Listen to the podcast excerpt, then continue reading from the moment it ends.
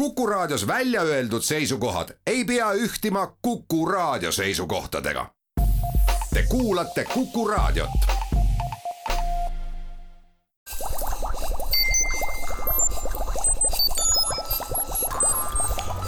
kukkuv õun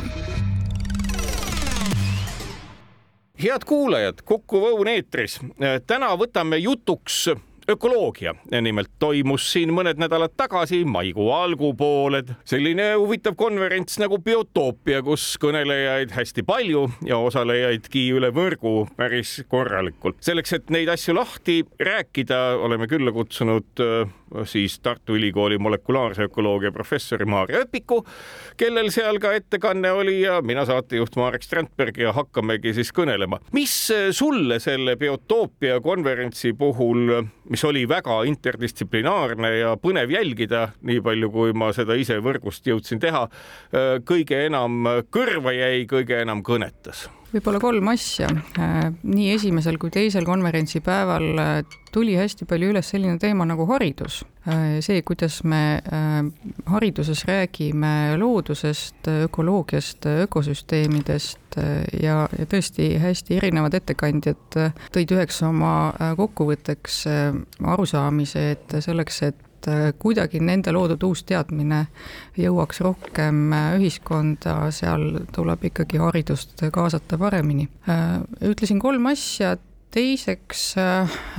võib-olla see, et äh, kui tähtis on lugude jutustamine, et me võime nimetada seda narratiiviks, milline on see narratiiv, millega me seletame ennast, äh, aga võime kasutada ka sõna, et äh, mis lugu see on, mis aitab mul päevast päeva toimida ja, ja seletab, kes ma olen, kus ma olen ja miks, miks me üldse oleme, et see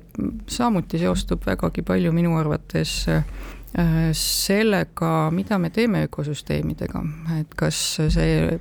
loodus või mitteloodus, linnaline keskkond näiteks, mida ma igapäevaselt enda ümber näen, äh, kas see üldse aitab äh, mul elada, võib-olla et enam ei aita. ja kolmas tähelepanek, vaadete paljusus on ju hästi lihtne öelda, et õpi nüüd õige vastus pähe ja siis niimoodi on, aga teadlased teavad väga hästi, et me liigume pidevalt parema arusaamise poole, äh, aga tegelikkuses äh, öelda, et nüüd me midagi lõpuni teame või et tõde on siin, enamuste asjade puhul hästi ei saa. hariduse külje pealt võtangi küsida sellise asja, no erinevaid rahvusvahelisi riikidevahelisi lepinguid, mis on muutnud ka rahvusvahelist õigust keskkonna ja liigirikkuse mõttes, on ju sõlmitud üsna pikka aega, tegelikult üle kolmekümne aasta, kahe, tuhat üheksasada üheksakümmend kaks Rio de Janeiro liigilise mitmekesisuse konventsioon, ka Eesti sinna alla kirjutanud. nüüd, kuidas on sündinud see, et me ühtepidi oleme kokku leppinud väga-väga paljusid asju, mis ju rahvusvahelisse õigusse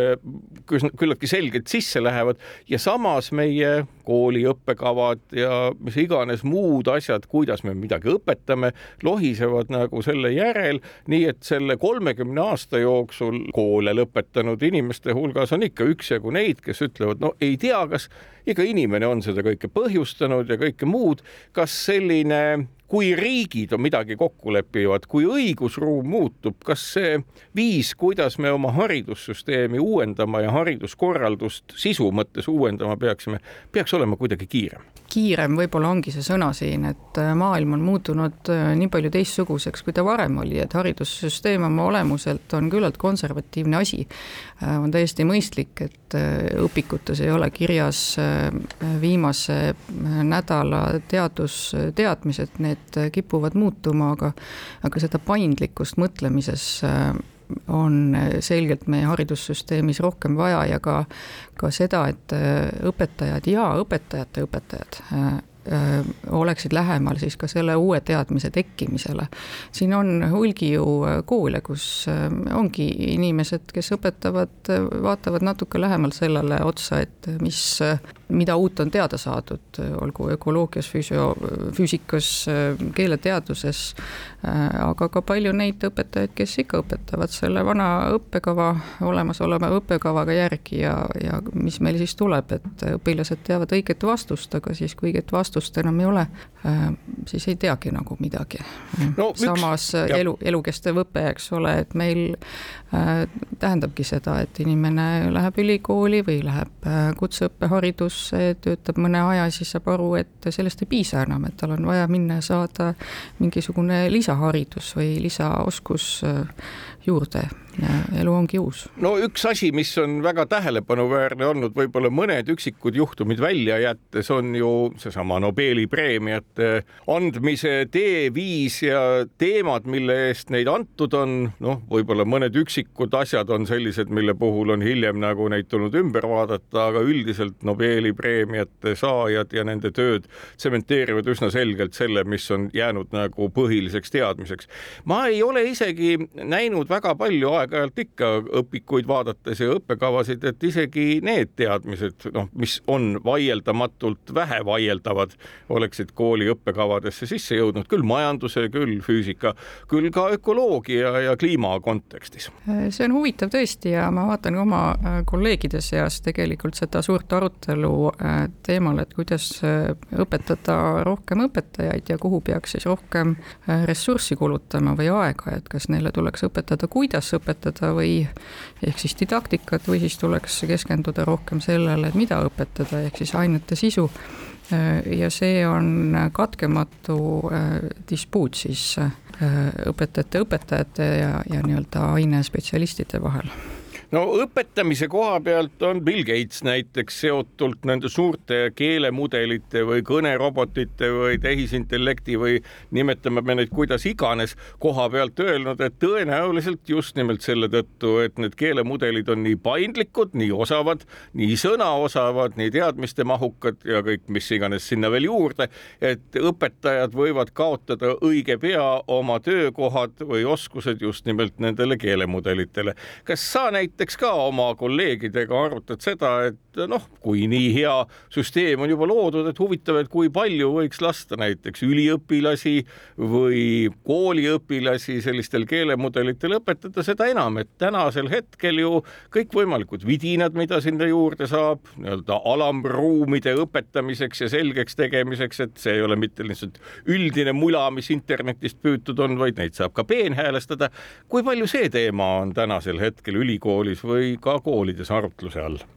Tartu Ülikool on siin seda tõesti äh, viimasel ajal päris innukalt arutanud ja samamoodi kolleegide vahel, eks see ikka tuleb äh, õhtul saunas või, või mujal äh, kõneks kohvitassi taga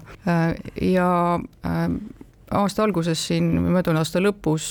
mind valiti uuesti instituudi juhatajaks ja mu kallid kolleegid lasksid sellisel kõnerobotil teha mulle nii-öelda õnnitluskõne ja see oli täiesti sisukas sõnavõtt Äh, sai ta õigesti aru, kellele see õnnitlus on mõeldud? hämmastavalt ta sai aru minu rolli äh, olemusest ja, ja selle sisust tõepoolest, et see ei olnud ükskõik milline juht, vaid et tõesti see rääkis ka äh, Ökoloogia ja Maateaduste Instituudist Äh, ja, ja selle tegevustest. Äh, üks äh, asju võib-olla, mida nende kõnerobotite puhul on hea meeles pidada, on see, et see ei ole tingimata otsingumootor, vaid et ta koostab sisukaid lauseid, aga faktoloogiline täpsus ei ole seal võib-olla esimene asi, et kindlasti need kõnerobotid aitavad inimestel koostada siledamaid tekste, aga võib-olla siin tulebki rohkem siis tegeleda sellega, et kuidas õpilased ja üliõpilased info õigsust ja paikapidavust oskavad ise kontrollida, eks ole, meil äh, tulebki pidevalt väga palju infot peale ja see sorteerimine, et mis sellest äh, võiks olla tõepärane, asjakohane ja mis sellest äh, on täiesti juhuslikult kokkupandav, see valik ei ole alati nii triviaalne aga teisalt ju seesama, me teame kõik, et kaunilt seatud laused ja loogiliselt paikapidav loeng on alati see, mis inimesi köidab, õpetab ja meelde jääb. seda suudab äh, tehisintellekt kõnemudeli näol ju mm, lavastada või olla täiesti perfektselt. ülihästi ja see on väga veenev äh, ja siit tulebki vajadus äh, mitte uue, vaid olemasoleva oskuse nii-öelda arendamiseks ehk et äh, kas veenev kõne on alati ka tõepärane kõne, et kas veenvalt ja väga inspireerivalt esitatud faktid on kõige olulisemad faktid. Äh, ehk ikkagi jälle äh, info õigsuse hindamise Äh, oskus on see, mida on vaja rohkem treenida. ehk äh, põhimõtteliselt, kui ülikoolides või ka koolides sellist kõnemudelit kasutama hakata, kõnerobotit või tehisintellekti, siis oluline on võimekus, võime ja oskus seda siis fakti mõttes täpseks tuunida või häälestada täpselt nii ja oskus ise allikaid leida, oskus leida allikaid, mis on usaldusväärsed ja nende usaldusväärsust hinnata, et see on äh, pikka aega olnud juba suur teema ikkagi, et äh, me ei, ei saa õpetada õiget teadmist, sellepärast et teadmine muutub nii kiiresti, äh, aga tudeng peab suutma hinnata allikaid ja allikate usaldusväärsust. siinkohal teeme saatesse väikese pausi ja järgmises osas läheme siis biotoopia konverentsi juurde, nii et kuulake meid edasi pärast väikest vaheaega kukkuv õun Kuku Õun jätkub meil külas äh, molekulaarökoloogia professor Tartu Ülikoolist Maarja Öpik, mina saatejuht Marek Strandberg. alustasime sellest, et äh, meenutasin biotoopia konverentsi, siis hüppasime haridusteemadele, nüüd tuleme selle konverentsi juurde tagasi. see, millest biotoopia konverentsil juttu oli, oli ju üsna ulatuslikult just nimelt nähtamatud osad meie ökosüsteemis, mida me ei märka. mismoodi kõikide nende nii-öelda nähtamatute osadega on läinud? a et äh, metsades, ma saan aru, on avastatud ülimalt tähtsat rolli mängimas seeneniidistikud, võrgustikud, mis mulla all ja puid seovad. palju neid võrgustikke üldse maailmas avastatud on? kui me seentest räägime, siis seened esinevad äh, kõigis ökosüsteemides, mitte ainult maismaa, vaid ka vee ökosüsteemides, nii magevee kui, kui äh, merevee ökosüsteemides. enamus seenevõrgustikke või ka seente olemasolu ongi silmale nähtav uskumatu, et kui me oleme harjunud seenest mõtlema, et see on, oi, see on suur puhavik või äh, vahva korvitäis kukeseeni, siis äh, nende seente elu ikkagi toimub meile silmale nähtamatult mikroskoopiliselt mullas või puidus või, või ka taime, äh, elavate taimede kudedes, et nendest võrgustikest bioloogid on teadnud ikkagi äärmiselt palju. Teine osa nähtamatust elust on kõik see, mis maapealsete taimede ja, ja ka loomade sees ja pinnal toimub, äh, mis samamoodi mõjutab nende äh, toimimist, nende elamist, nende tervist. metsad on ja taaskord kirgi tõstnud siin seenevõrgustike mm, elu ja, ja rollide olulise mõistmisel, aga ma ei alahindaks niitusid või, või ka avatud kasvupaiku meie oma mükoriisa uuringutes oleme leidnud, et niidud on tegelikkuses äh, mükoriisa seente poolest palju liigirikkamad kui metsad. Äh, ja äh, ka niidutaimede juurestikes, juurestikest välja ulatuv, väljas mullas ja, ja juurestike vahel on needsamad seene niidistiku võrgustikud, mis võivad, aga ei pruugi ühendada taimi omavahel, nii et see on võib-olla siin ka üks selline äh, erutav asjaolu. Merlin Sheldrake, kes oli üks peaesinejaid Biotoopia konverentsil, on pühendunud väga põhjalikult seene ökosüsteemide ja rollide uurimisele. kas sulle oli selles ettekandes midagi tavatut ja uut või see oli kõik nii-öelda teada asi, mis oli siis lihtsalt üle räägitud? Äh, see, mida Merlin Sheldrake rääkis oma ettekandes Biotoopial, äh, oli minu jaoks tõesti teada asi. Ähm, ma olen tema raamatu inglisekeelsena läbi lugenud ja see on äärmiselt haaravalt kirjutatud raamat, et äh, väärib lugemist ka mittebioloogile. Merlin on äärmiselt hea rääkija äh, ja see on väga väärtuslik, et äh, see, mis ta on teinud oma raamatu kirjutamisega seentest, äh, toob seente elu, seente tähtsuse nii vahvalt esile tavainimese jaoks, et, et see on täiesti hindamatu. ja tulebki rääkida üle seda, mis on teada niimoodi, et see köidab üks teine autor, kelleks on Kanadas äh, metsade ökosüsteeme uurinud Susan Simard, kes on ähm,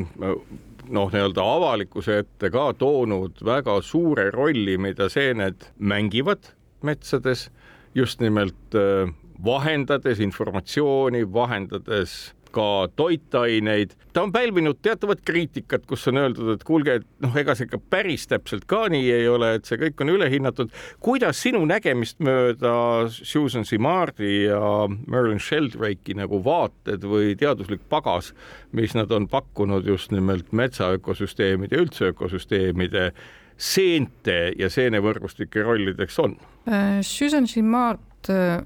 räägib tõesti seda lugu, äh, et taimed ja tema on uurinud puid, et puud siis jagavad omavahel, puuisendid jagavad omavahel seente vahendusel näiteks süsinikku ehk siis toitu, energiat. ja see lugu sai alguse tema jaoks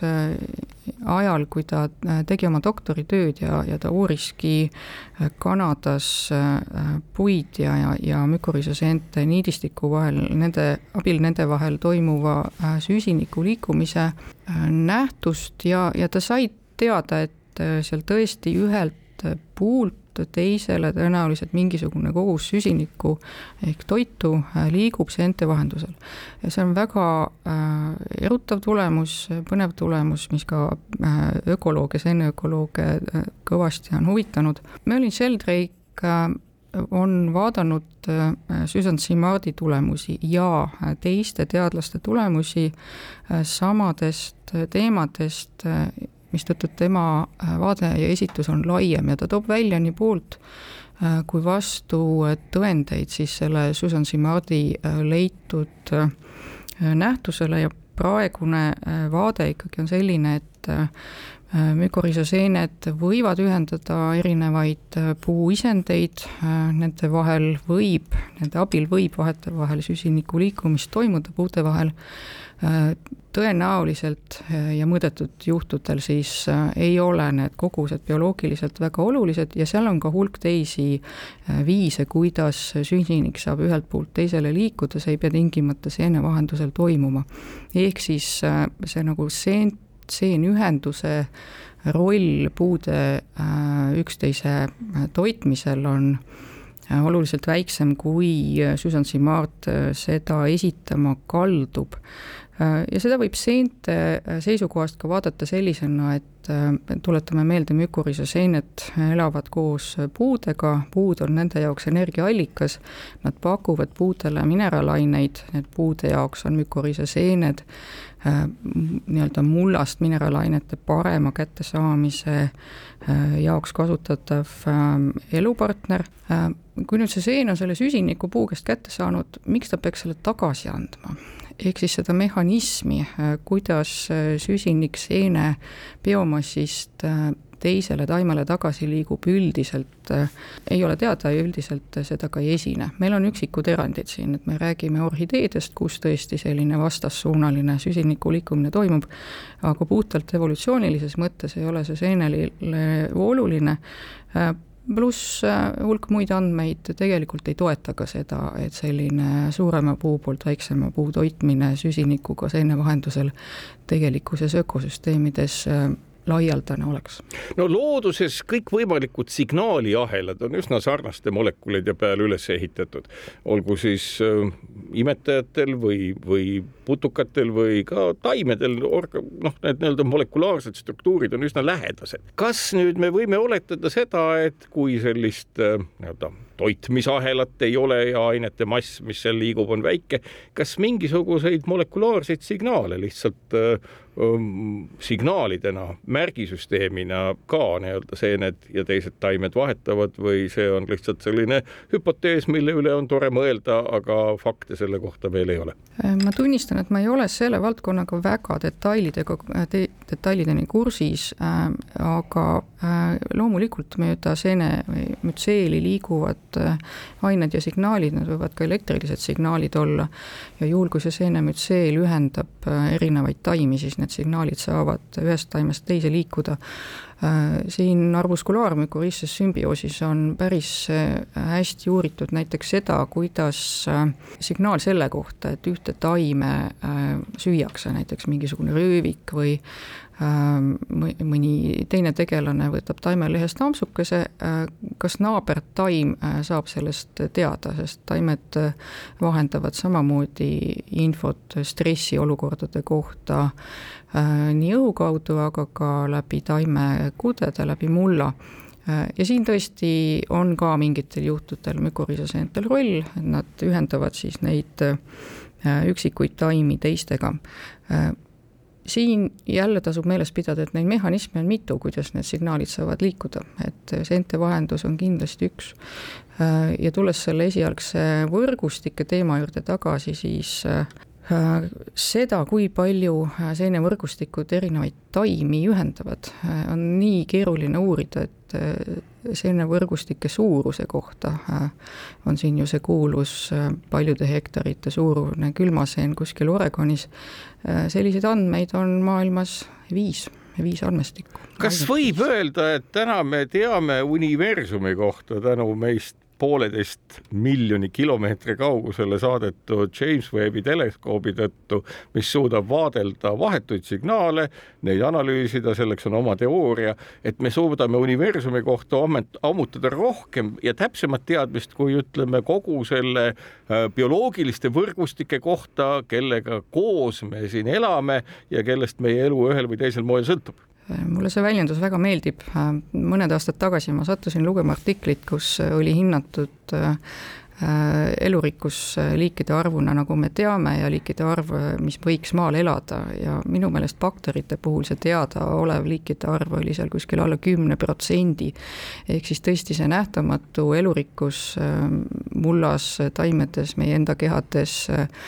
mille olemasolust me veel ei tea, ma arvan, et see on väga suur ja samas on see iseäranis, ma rõhutan seda mullas olevate organismide rikkus on see, millel väga suur osa inimesi inimese elust äh, seisab, et äh, kogu see toit, kõik need ökosüsteemid meie ümber, äh, need toimivad sellele, et meil on toimiv muld ja, ja toimivad mullaorganismid. siinkohal teeme saatesse väikese pausi ja kuulake meid pärast vaheaega edasi.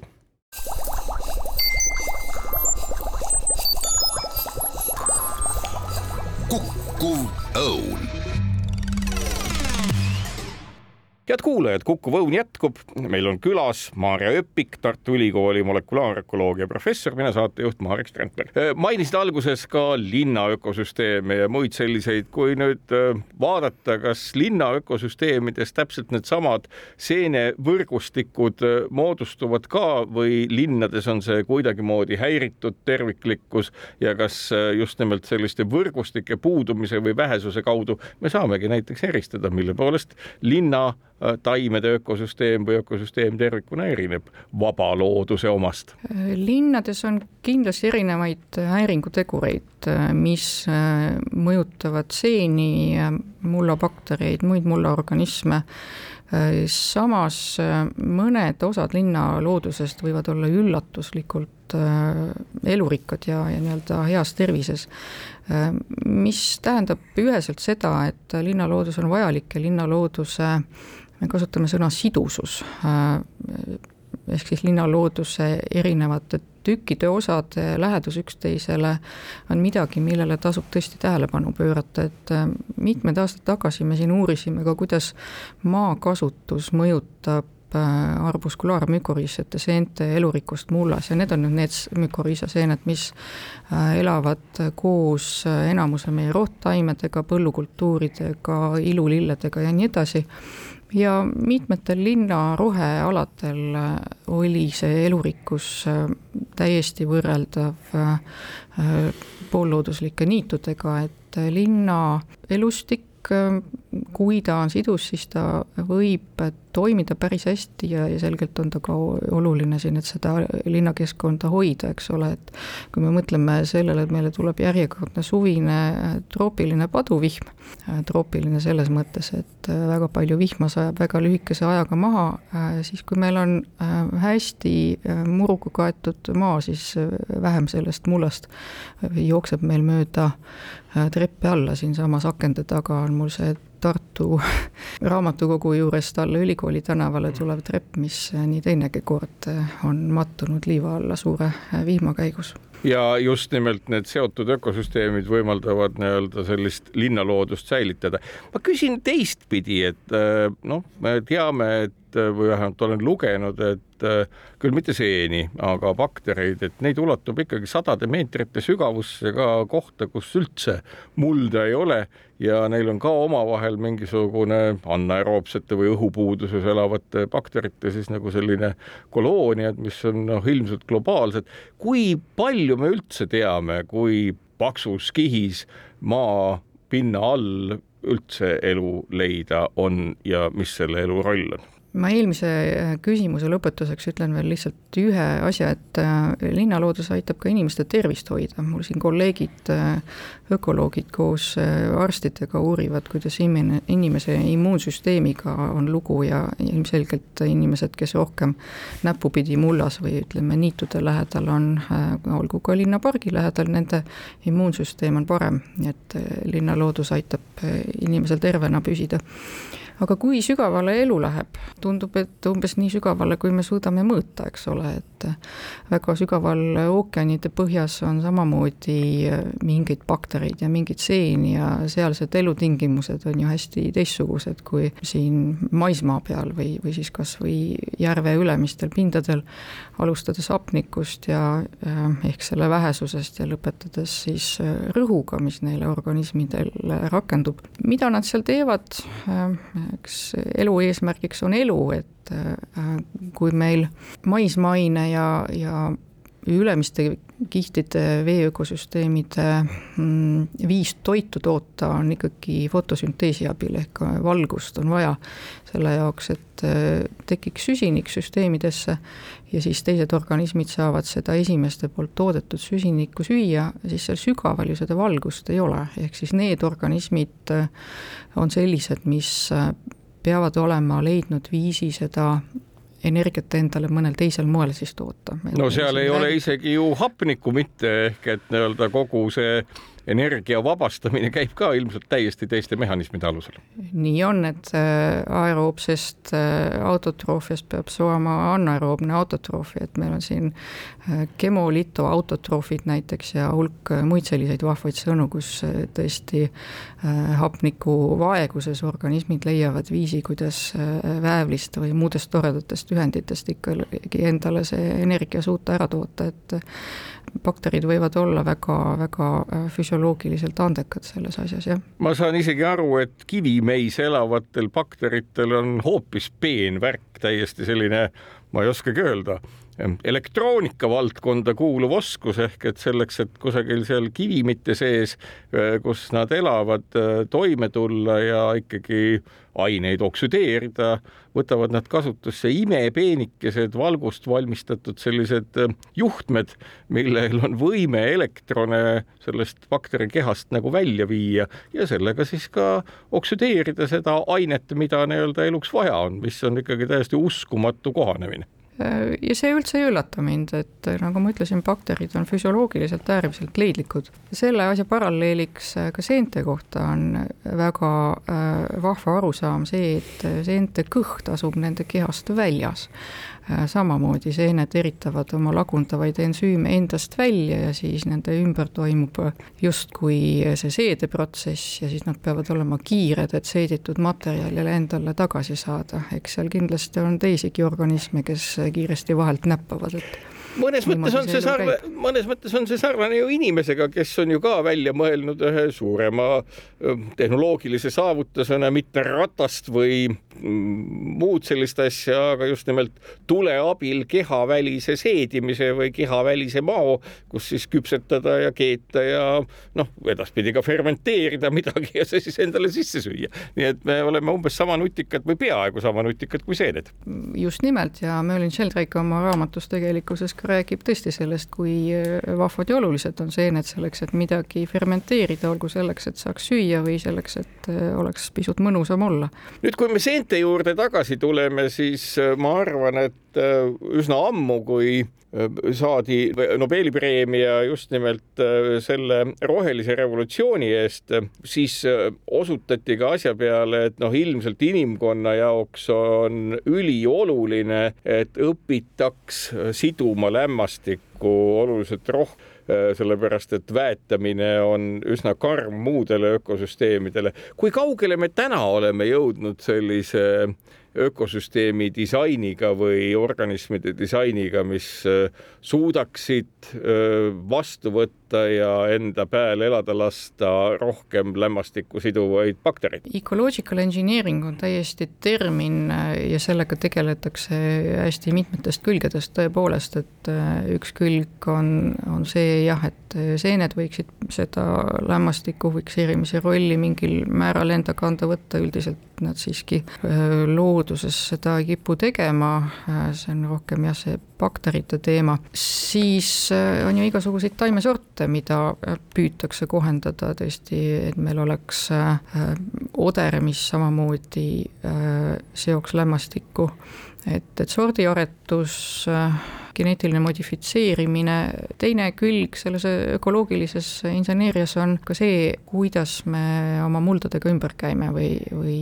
ütleme, põlluökosüsteemide või muudega. Ja seal püütaksegi vaadata seda, et aga võib-olla kasutaks ära need võimekused, mis meil seal mullas on, selle asemel, et me kogu aeg neid nagu äh, maha tappa püüaksime või, või vähendada püüaksime, et äh, kui me mõtleme taimekasvatusele, siis äh, selline intensiivne taimekasvatus toimub meil väetiste abil. looduses taimed oma mineraalainet saavad mullast mükoriise seente abil, et siis põllumajanduses me oleme mükoriise seened asendanud väetistega. kui me seda seeneelu ja, ja bakteritel on seal oma roll, eks ole, lämmastikku siduvad bakterid, nii-öelda vähem segame, äh, siis on võimalik ka see põllumajandussüsteemide tootlikkus pisut paremaks saada, et ka sellised äh, tegevused käivad äh, ökoloogilise inseneeria alla. jah, sellepärast, et üks mingisugune ammune lugemine, mis oligi, puudutaski seda, kuidas just nimelt mükoriisa rohkus toetab ühtlasi ka lämmastikku siduvate bakterite toimimist ja, ja selles mõttes need nii-öelda võrgustikud, mis moodustuvad, on ju üsna läbi põimunud, noh, mõnes mõttes sarnanevad nagu tänase arusaamisega ajust. kas võib üldse öelda, et eluslooduse jaoks just nimelt need võrgustikud, noh, küll ei taha öelda, et elusloodusel oleks mingi mina või teadvus, aga ikkagi need võrgustikud on nii hämmastavalt sarnased, et teatav selline mitte ainult nagu sa ka ütlesid, et mitte ainult aineringe, mida on raskem tuvastada, aga just nimelt informatsiooniringe nendes võrgustikes. kas sellel on täna nähtavalt tõestust, et selline informatsioonivahetus omab ka sellist lisatuge just nimelt ökosüsteemide püsivuse jaoks? see on üks keeruline valdkond, et ta ütleme, sellises mainstream'is ei tundu olevat, aga küll aga võrgustike uurimine on, on küll viimase kümne-viieteist aasta jooksul olnud midagi järjest levinumat. Praegu me sageli kirjeldame organismide vahelisi seoseid koos esinemisi läbi analüüside, mida me nimetame võrgustiku analüüsiks ja sisuliselt see analüüs otsib seda, et kes kellega koos käib. Ja me saame ökosüsteemi kirjeldada ka äh, läbi teatavate äh, parameetrite, mis siis näiteks ütlevad, et kas see äh, seoste, suhete võrgustik on nii-öelda terve või, või mitte terve, kas see viitab vastupidavale või mitte vastupidavale süsteemile, et siin seened tegelikult mängivad meiega selliseid väikseid vaimseid trikke, ma ütleks, et kuna nad ise oma keha kujult on võrgustikukujulised ja siis nad äh, kipuvad äh, moodustama äh, seoseid organismidega, mida me kirjeldame näiteks suhtevõrgustikuna või seoste võrgustikuna, siis vahel meil lähevad need asjad segi, et kas me räägime füüsilisest võrgustikust, mis midagi seob, või me räägime sellest seoste võrgustikust, mis on meie peades. siinkohal teeme saatesse väikse pausi, kuulake meid pärast vaheaega edasi. kukkuv õun head kuulajad, Kuku Õun jätkub. külas Maarja Öpik, Tartu Ülikooli molekulaarökoloogia professor, mina saatejuht Marek Strandberg, võrgustikega jätkan. üks suuremaid äh, revolutsioone sellises nii-öelda võrgustikuteaduses äh, viimasel ajal on olnud see, kuidas kuue-seitsme aasta jooksul on ülipõhjalikult läbi analüüsitud äh, aju toimimine, noh küll veel mitte inimese oma, hiire oma ja võib-olla veel mõne suurema organismi oma ja aru saadud, kuidas asjad seal omavahel suhtestuvad ja mis võiks ajus toimuda, see on ümber lükanud paljusid varasemaid selliseid äh, tõekspidamisi aju toimimise kohta, toonud uusi võimalusi ja nii edasi. nüüd ma küsingi, et kuidas tänasel hetkel on äh, üldse võimekus või suutlikkus uurida siis ökosüsteemi võrgustikke, noh, nii nagu ajuvõrgustike uurimisel tehti, põhimõtteliselt võeti iga üksik ajurakk ajust välja, määrati ära tema funktsionaalsus, siis analüüsides aktiivset RNA-d, äh, tema kuju ja seosed teiste rakkudega ja saavutati siis niisugune meeletu läbimurre siis äh, aju raku anatoomilise atlase näol, mis nüüd hiire kohta on ka avaldatud, kahe uurimisgrupi poolt muide. nüüd, kui palju me metsades ja üldse ökosüsteemides, äh, olgu siis niitudel või mujal, suudame samasuguse meetodiga siis kogu selle võrgustiku funktsionaalsust nagu lahti harutada ja mis seisus üldse on selline võrgustike uurimise tase? üks viis sellele küsimusele läheneda tõenäoliselt on olnud äh, funktsionaalse mitmekesisuse uuringud ökosüsteemides, äh, mis ehk lähtubki sellest, et äh, me võime teada ökosüsteemis elavaid liike, aga mida nad seal teevad, saame me ennustada siis, kui me teame nende liikide funktsioone. liike on hästi palju, liikide funktsioone kindlaks teha on tõenäoliselt sama ennekuulmatult suur ülesanne, nagu siin eelkirjeldatud aju äh, uuringutes, aga see on nüüd valdkond, mis äh, ma näen, et plahvatuslikult areneb, äh, et taimede puhul on taimede funktsionaalse mitmekesisuse, funktsionaalsete tunnuste uuringud mõnda aega juba käinud, aga järjest rohkem liigutakse ka nende väiksemate organismide puhul selleni, et vähemalt püütakse mingisugusel tasandil täpsustada, koguda infot Äh, selle kohta, mida siis äh, iga konkreetne näiteks seeneliik äh, teeb.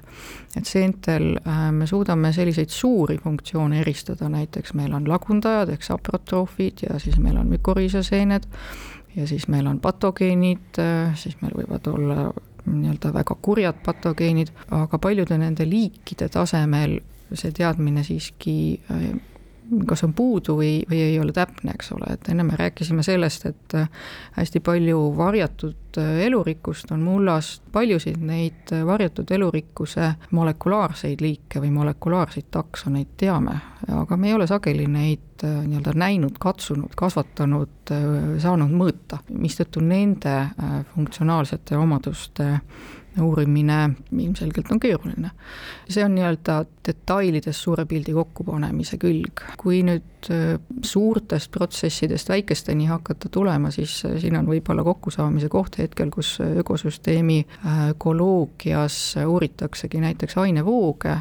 ja hakatakse järjest rohkem kokku panema näiteks seda, kuidas meil süsteemide süsihappegaasi emissioonid, naerugaasi emissioonid, metaani emissioonid seonduvad selle sellega, milline on mikroobne elurikkus nendes äh, paikades, olgu siis mullas, puutüvedes, äh, puuvõrades. sellist, noh, ma saan aru, et seesama ajuuuringu revolutsioon toimus ennekõike tänu sellele, et äh, genoomi analüüs muutus väga-väga odavaks ja seda sai teha väga-väga palju, nii et hiireaju puhul on läbi analüüsitud, ma mäletan vist seitse miljonit nii-öelda ajurakku ükshaaval kas midagi samasugust, et me nagu läheme selles analüüsis just samamoodi geneetilise põhjuseni välja, vaatame, millised äh, geenid on ekspresseerunud, milliseid valke toodetakse, milline on see dünaamika, kas see on hetkel veel noh, nii-öelda molekulaarse ökoloogia jaoks täiesti utoopia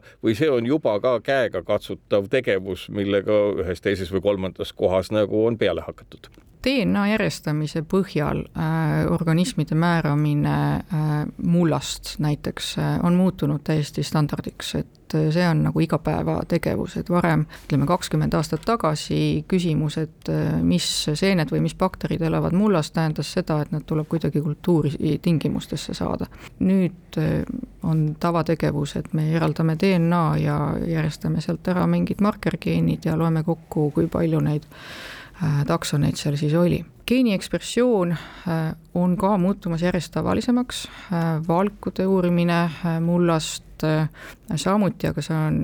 veel suhteliselt keeruline asi, siin erinevus näiteks närvirakkudega või erinevus näiteks kui me uurime mingisuguseid inimese kudesid, loomade kudesid, on see, et mullas me ei saa neid üksikuid organisme nii lihtsalt eristada. kui me võtamegi kogu mulla ja eraldame sealt RNA, siis on meil see meeletu müriaad erinevate organismide ekspresseerunud geene seal segi läbi, ehk siis äh, see on see asja nagu keerukus võib-olla, lisakeerukus. ennem küsisin seda, kas keelemudeleist võiks abi olla inimeste õpetamisel, see oli jutuks. kas nüüd võiks ette kujutada seda, et kuna keelemudel meetodina andmete seostamisel on väga universaalne ja ilmselt äh, väga mitme teaduse sisendandmetega võiks sealt saada ka huvitavaid järeldusi. kas ökoloogid on hakanud mõtlema ka selle peale, et rakendada enda olemasolev teadmine süstematiseeritult või sellele samale keelemudelile ette söödetult selle jaoks, et püüda ennustada, mis ühel või teisel juhtul ühe, ühe või teise ökosüsteemiga juhtuda võiks? see on kindlasti tore võimalus, hästi palju sellist äh, modelleerimist äh, just ökosüsteemide või ka näiteks elurikkuse ennustamisel või ainevoogude ennustamisel toimubki äh, praegu juba statistiliste mudelite abil, mis sisuliselt on ikkagi seesama ai ehk artificial intelligence, kuna need andmestikud on nii suured, kuna need mudelid on nii keerukad, et selles mõttes võib öelda, et keelemudel või mitte, aga, aga tehisintellekt on ka ökoloogias igapäevatöö vahend. Kas võib tekkida kunagi arusaam ja usk sellesse, et kui näiteks no ütleme, tuleb üks või teine teadlane, ütleb, et teate, ökosüsteemiga on lood ikka väga halvad ja siis need, kellele öeldakse, majandus või poliitikategelased ütlevad, ah, mis te ajate, see on jama jutt, tegelikult on kõik väga hästi. et kas võib ette kujutada sellist noh, utoopilist olukorda, kus just nimelt nii-öelda sõltumatu keelemudel saab selleks, eh, mis lepitab nagu erinevad pooled ja ahah, kui juba, juba tehisintellekt midagi ütleb, et ju see on siis pigem tõsi, kuigi meie kogemus on selles, et väga paljud asjad, mida tehisintellekt välja ütleb, ei pruugi olla tõele üldse lähedalgi jah, eks ole, et kas kõik see, mida ajaleht kirjutab, on tingimata tõsi äh, või see, mida telekast öeldi, et see on nüüd viimane fakt, selle üle võib mõtelda, aga kindlasti on see hea mõtteharjutus, et, et äh, panna kokku oma mingisuguseid mõtteväljendusi, äh, kuidas kedagi teavitada või veenda minu poolest, jah. aitäh, Maarja Öpik, et said tulla Kuku Õuna saatesse kõnelema biotoopia konverentsist nagu ka ökosüsteemide toimimisest. sellega on Kuku Õune saade läbi. aitäh teid kuulamast ja kuulake meid jälle täpselt nädala pärast ja kaunist päeva teile.